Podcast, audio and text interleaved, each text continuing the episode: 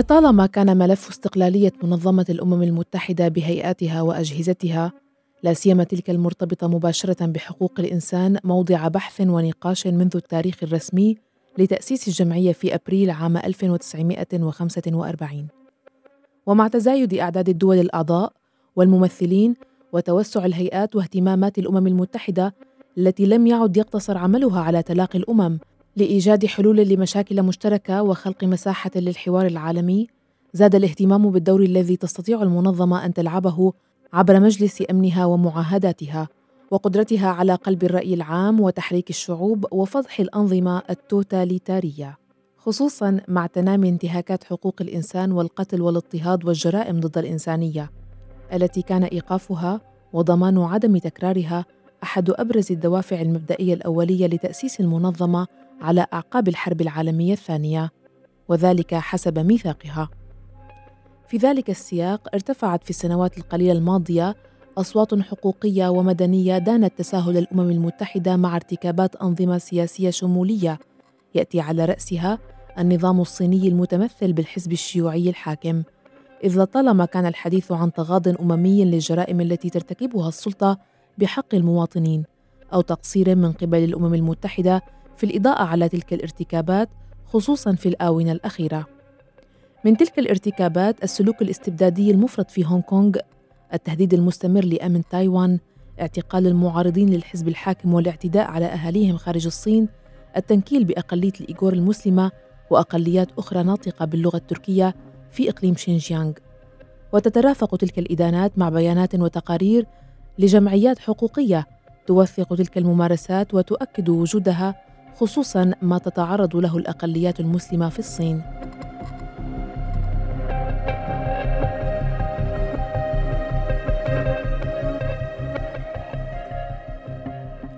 فريق الصحافة الاستقصائية في أخبار الآن أنتج مؤخرا تحقيقا استقصائيا يكشف حجم النفوذ الصيني في مجلس حقوق الإنسان التابع للأمم المتحدة. تضمن لقاء مع إيما رايلي وهي موظفة سابقة تكشف تفاصيل طردها من المنظمة الأممية. نحن في راديو الآن قمنا باستضافة الصحفي عبد الله ملاعب من الفريق في برنامج ساعة على الهواء ليخبرنا حول كواليس العمل على هذا التحقيق وأبرز ما تضمنه من مقابلات حصرية وخاصة وقد تم عرضه ضمن برنامج بالعين المجردة على تلفزيون الآن. آه، مها هو آه، هذا التحقيق مثل ما قلتي اللي هو للأسف بفرجي ما يرتقي آه، مستوى التواطؤ. بين الأمم المتحدة والنظام الصيني والدولة الصينية ضد النشطاء ضد الناجين ضد الإيغور وكل الأقليات الصينية يلي ترى بالأمم المتحدة لا سيما بمفوضية حقوق الإنسان آه، مكان آمن للحديث عن الانتهاكات التي تطال الصينيين من قبل حكومتهم.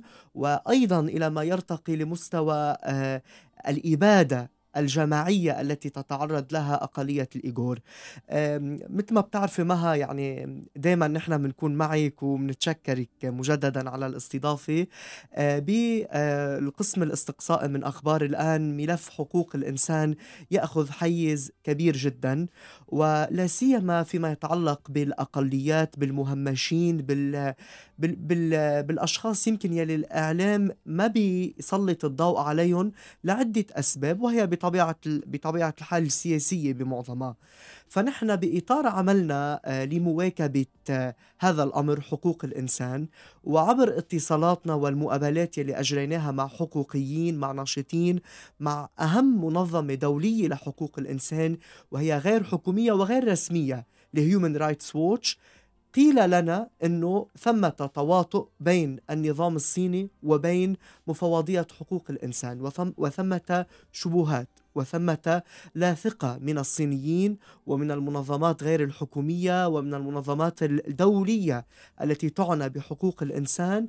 بهذا الجسم الأممي الذي نحترم يعني بطبيعة الحال ولكن الذي يعني تشوب حوله بعض الشكوك وبعض المخاوف نعم. فهذا الأمر دفعنا لنغوص أكثر ولنعمل تحقيق استقصائي من كافة الجوانب يبدأ مع أولئك الناشطين يلي قالوا لنا أنه في شكوك أنه نحن لا نثق بالأمم المتحدة لا نثق بمفوضية حقوق الإنسان وأيضا تقارير هيومن رايتس ووتش تقارير بعض الحكومات التي تعنى بحقوق الإنسان وتقارير أفراد آه، أرادوا الذهاب إلى الأمم المتحدة ولكن كشفوا العكس.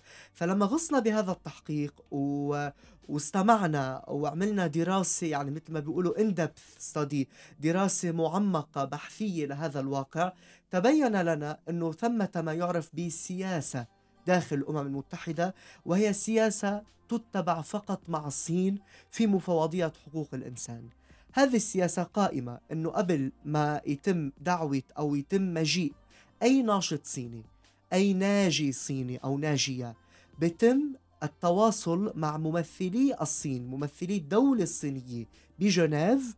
يعني هؤلاء ممثلين هؤلاء ممثلون رسميون وإعطائهم هذه الأسماء.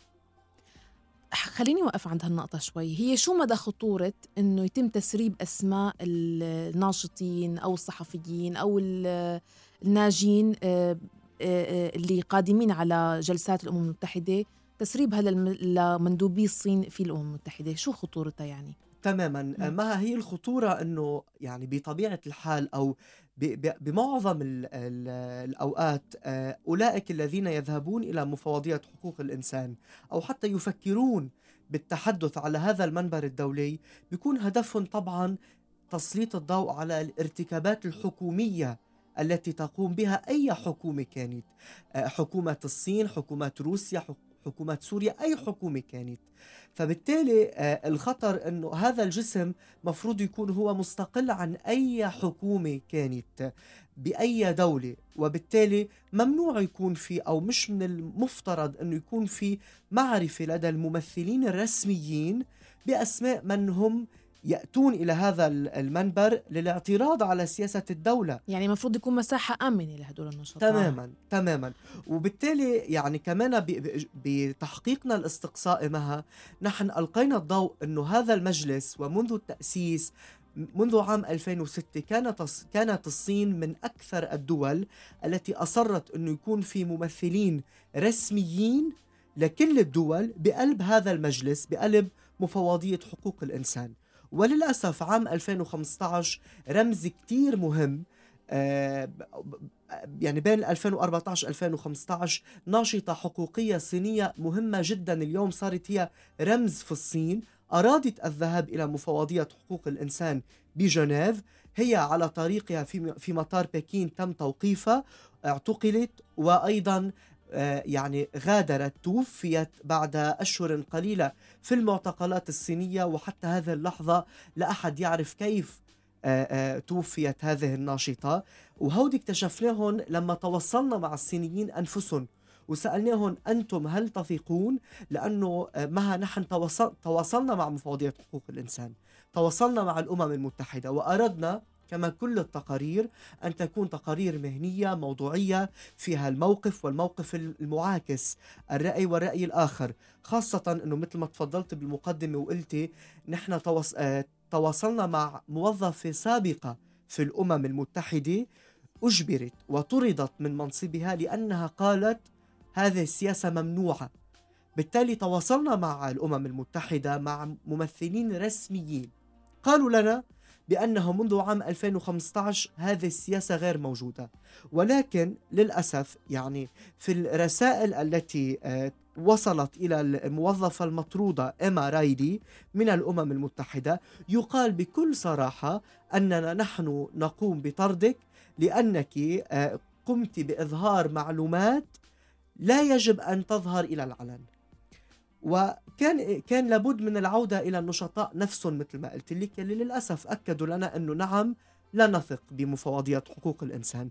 وللأسف وللمفارقة أيضا أمس لما نزل هذا التقرير كان في تقرير خاص من رويترز يقول أنه اليوم النظام الصيني يقوم بوضع ضغوطات كبيرة على مفوضية حقوق الإنسان لعدم إصدار أو نشر التقرير يلي حضروا هذا المكتب فيما يخص الصين وملف حقوق الإنسان في الصين.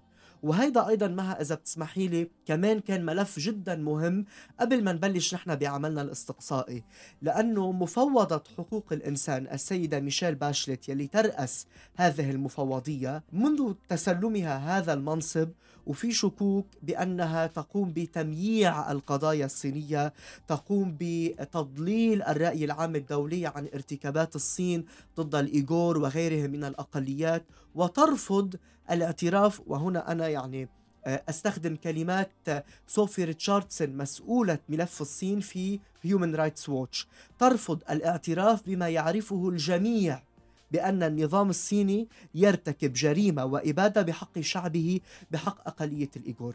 فبالتالي كل هذه الشكوك يلي كانت حول السيدة باشلت وحول المفوضية أيضا دفعتنا لنقوم بهذا البحث الإستقصائي العميق وكشفنا أيضا بهذا الإطار أنه سيدي ميشيل باشلت تم اختيارها إلى هذا المنصب بسبب العلاقة المميزة التي تتميز بها مع النظام الصيني لأنه سيدي ميشيل باشلت كانت يعني ترتقي إلى مستوى سفيرة مشروع الحزام والطريق الصيني في أمريكا اللاتينية. نعم. يعني معلومات من كل حدب وصوب مثل ما بيقولوا ولكن كل تلك المعلومات تصب في خانة أن ثمة تواطؤ للأسف بين مفوضيات حقوق الإنسان وبين النظام الصيني. وهذا الشيء أكدته ناشطة صينية استضفتوها كمان بالتحقيق وأيضا صحفي من تشيلي أظن. صحيح. صح. والموظفة السابقة تخبرنا أبرز ما إجا بمداخلاتهم أو مشاركاتهم بهذا التحقيق. نعم.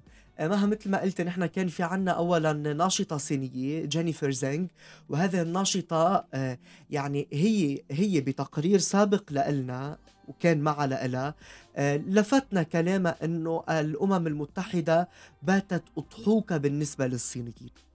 فهي فعلا كانت الشعلة مثل ما بيقولوا أو الشرارة الأولى لبدء هذا العمل الاستقصائي الكبير.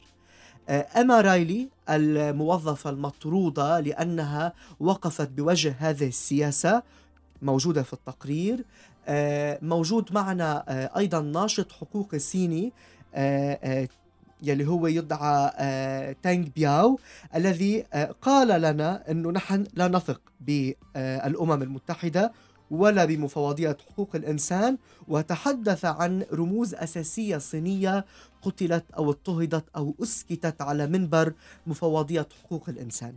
كان معنا أيضا وهنا الصحافه لتشيلي يعني العديد ممكن من المستمعين هلأ عم يسألوا إنه تشيلي شو دخلها؟ تماما. آه هذا الصحافي آه نحن توجهنا له لنستفسر أكثر عما قيل لنا بأن السيدة ميشيل باشلت التي كانت هي رئيسة جمهورية تشيلي سابقا بسبب صمتها عن ارتكابات النظام الصيني استطاعت أن تعزز التعاون الاقتصادي بين الصين وبين آه، وبين بلدها الأم. بين تشيلي نعم. اللي كانت هي آه، رئيس رئيسة هذه الدولة لفترتين يعني لعهدين رئيسة تشيلي آه، فنحن توجهنا إلى الصحافي بوريس فان سبيك اللي هو أيضا رئيس تحرير جريدة تشيلي اليوم الذي تحدث عن عمق العلاقة الاقتصادية بين الصين وبين تشيلي وقال لنا أن العلاقة لطالما كانت مميزة ولكن السيدة ميشيل باجلت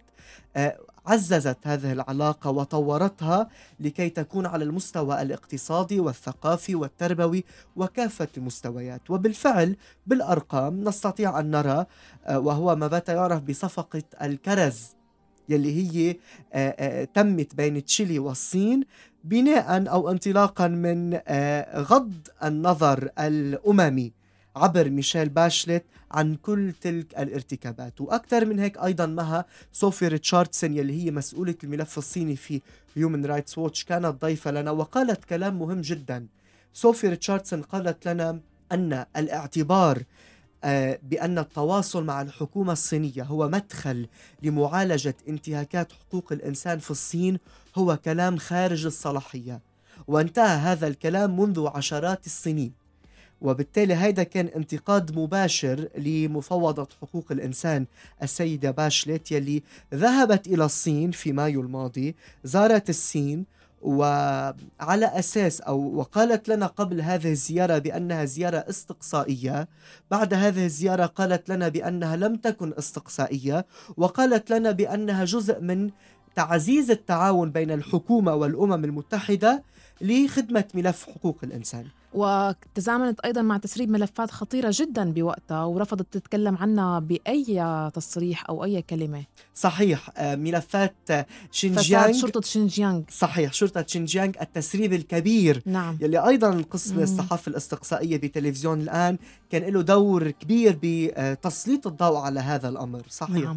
عبد الله بدي أشكرك كثير على كل هالمعلومات اللي زودتنا فيها وبدي ركز كمان إنه فيكم تشوفوا الحلقة بالتفصيل ضمن برنامج بالعين المجردة من خلال زيارتكم لموقع أخبار الآن دوت نت أو في قناتنا على اليوتيوب أيضا أخبار الآن.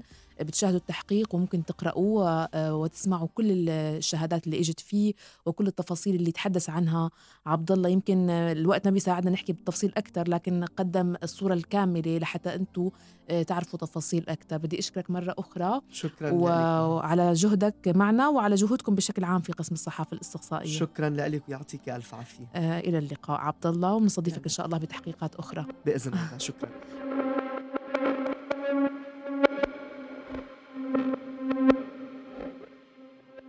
شكرا لاستماعكم وحسن اهتمامكم. رافقتكم في هذه الحلقة من بودكاست في عشرين دقيقة.